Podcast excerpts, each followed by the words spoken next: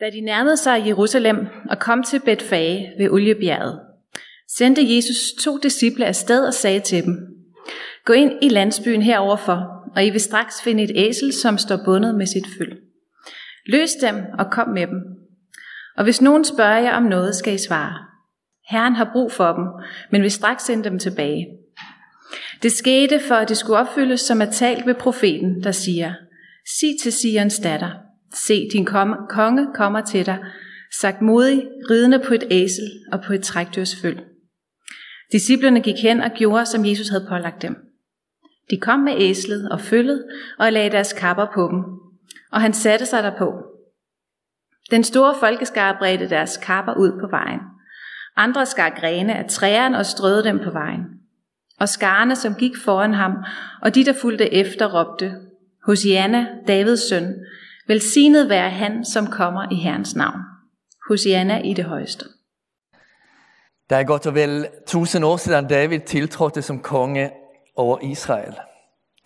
Mange konger er kommet og gået, men ingen har bragt folket den redning og ro, som det blev lovet.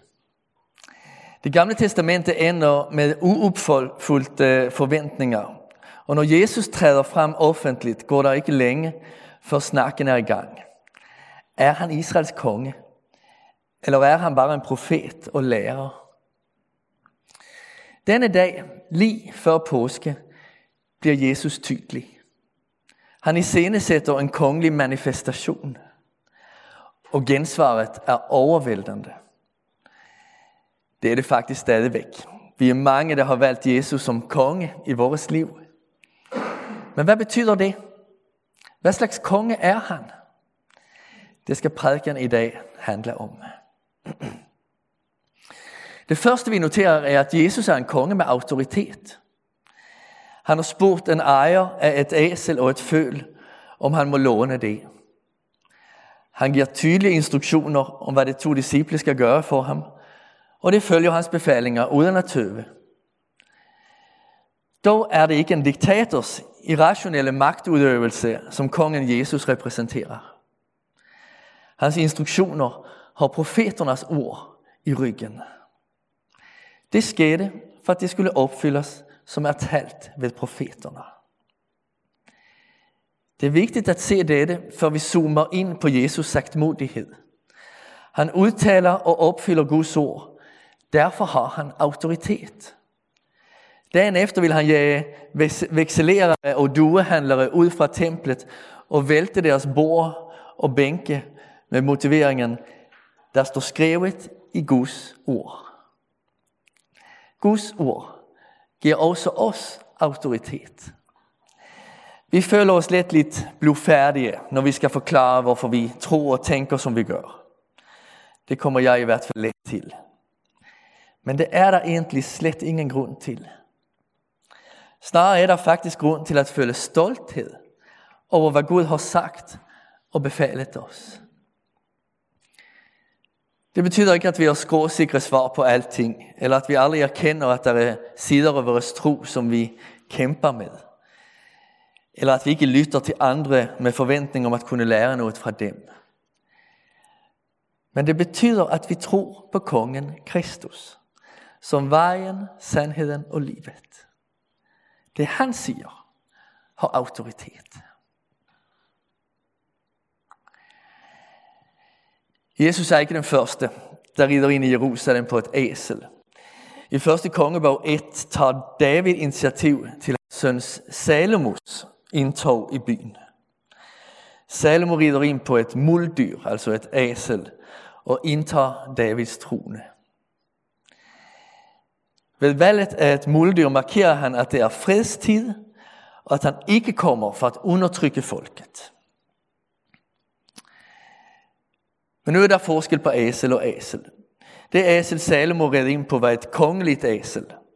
Et trods alt ret stateligt dyr.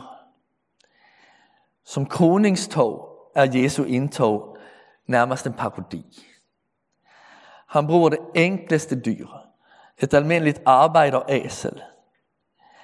Æslet er et dyr, der slider hårdt og som behandles ret brutalt. Och det betraktas også som lidt dumt och enfoldigt. Aleximenos hed en kristen mand, øh, der var værnepligtig i Romeriet.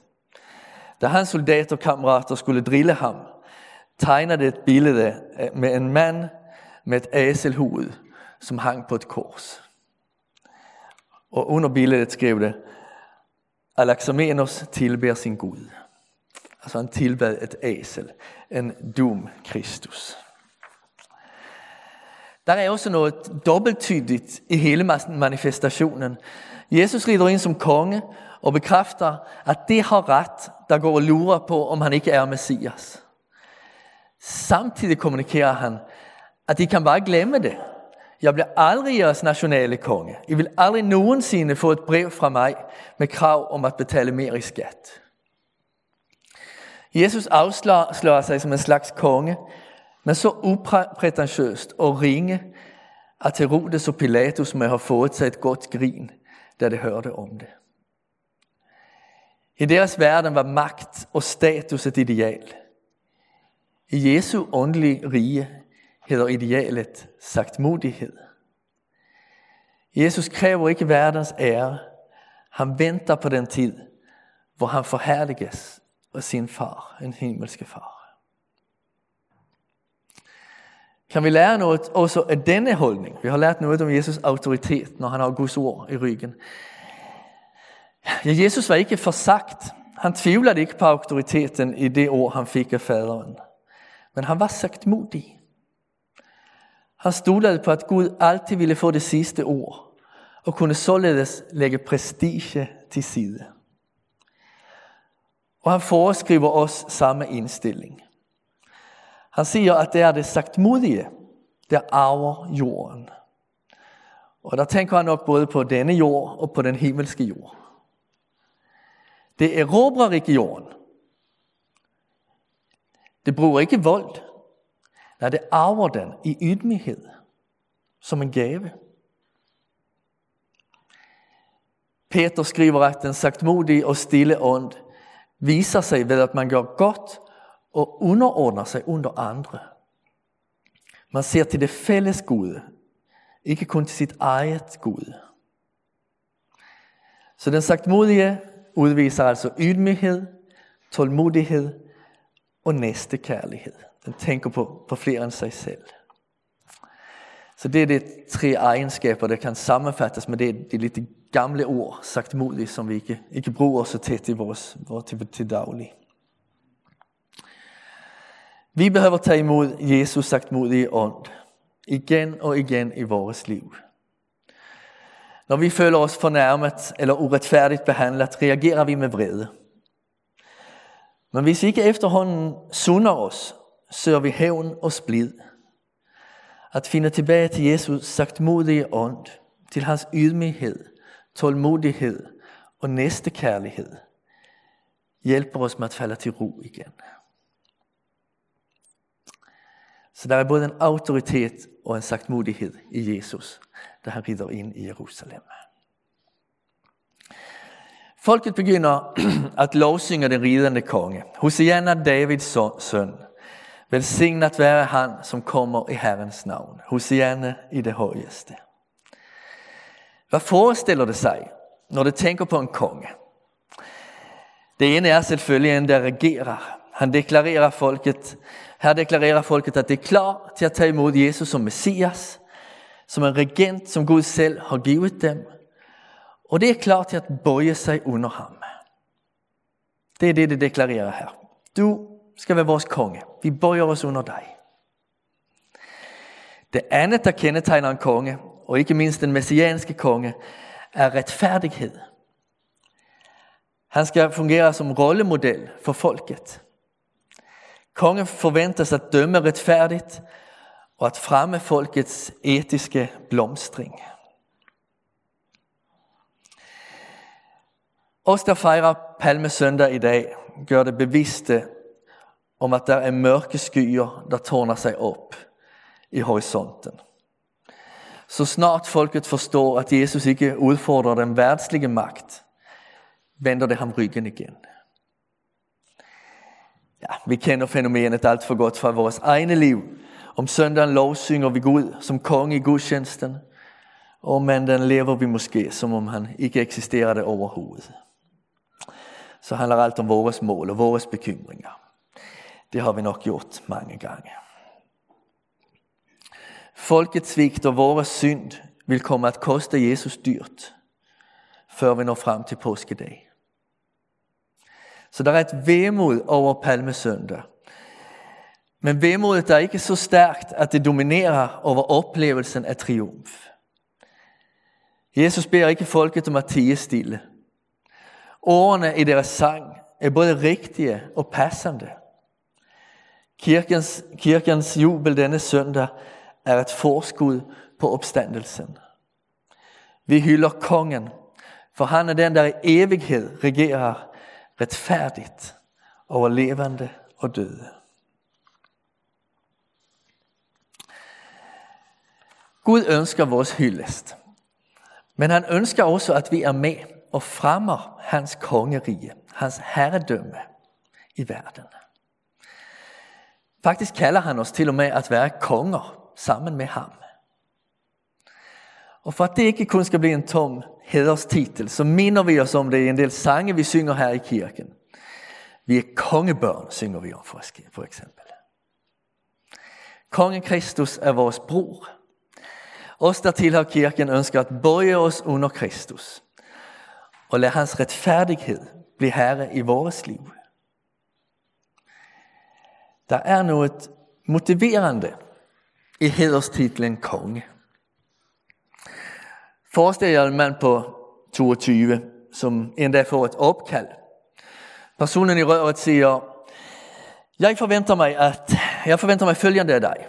At du hver dag den kommende måned løber 12 km, gør 200 armbøjninger, 200 sit-ups og en halv times intervaltræning. Ja, hvad ville den unge mand svare? Ja, han ville svare, no way, det gør jeg bare ikke. Og slet ikke, fordi du siger det. Mm. Men hvis personen, der ringede, var Kasper Julman, og han sagde, du er blevet udtaget til at repræsentere Danmark i EM i sommer i fodbold. Og nu vil jeg, at du forbereder dig rigtig godt med fysisk træning. Så vil det være noget ganske andet. Den ærefulde opgave, titlen som landsholdsspiller, ville motivere manden til at træne.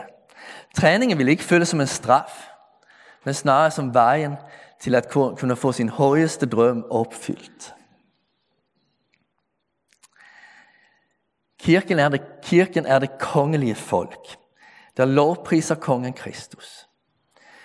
Når Guds drøm for vores liv bliver vores drøm, når hellighed begynder at fremstå som det mest, som det mest eftertragtede, vi kan forestille os, rettes vores blik mod Kristus.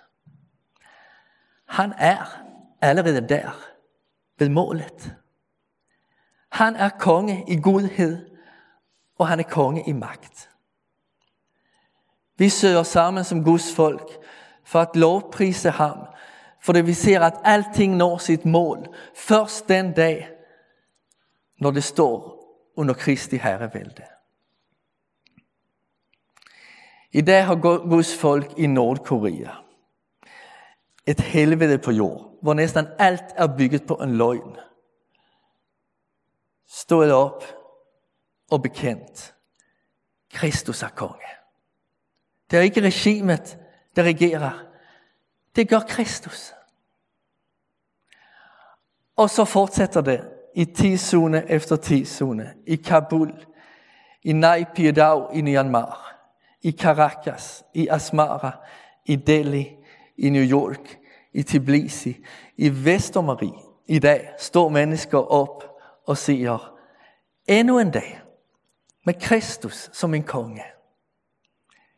Endnu en dag, hvor jeg må beundre ham, tilbede ham og spejle noget af hans retfærdighed. Kristus rider ind som kongen, der genopretter Guds herredømme. Han gør det nu, og en dag i dets fylde. Amen. Herre Jesus Kristus, vores konge, vi bøjer os under dig og beder, at din retfærdighed må præge vores liv og vores verden. Tak, at død og ondskab ikke vil sejre til sidst. Det vil opstandelse og godhed. Herre, velsign os, når vi i den stille uge følger din lidelsesvandring for vores skyld. Lad os også denne påske få lov at tage imod din retfærdighed og barmhjertighed. Amen.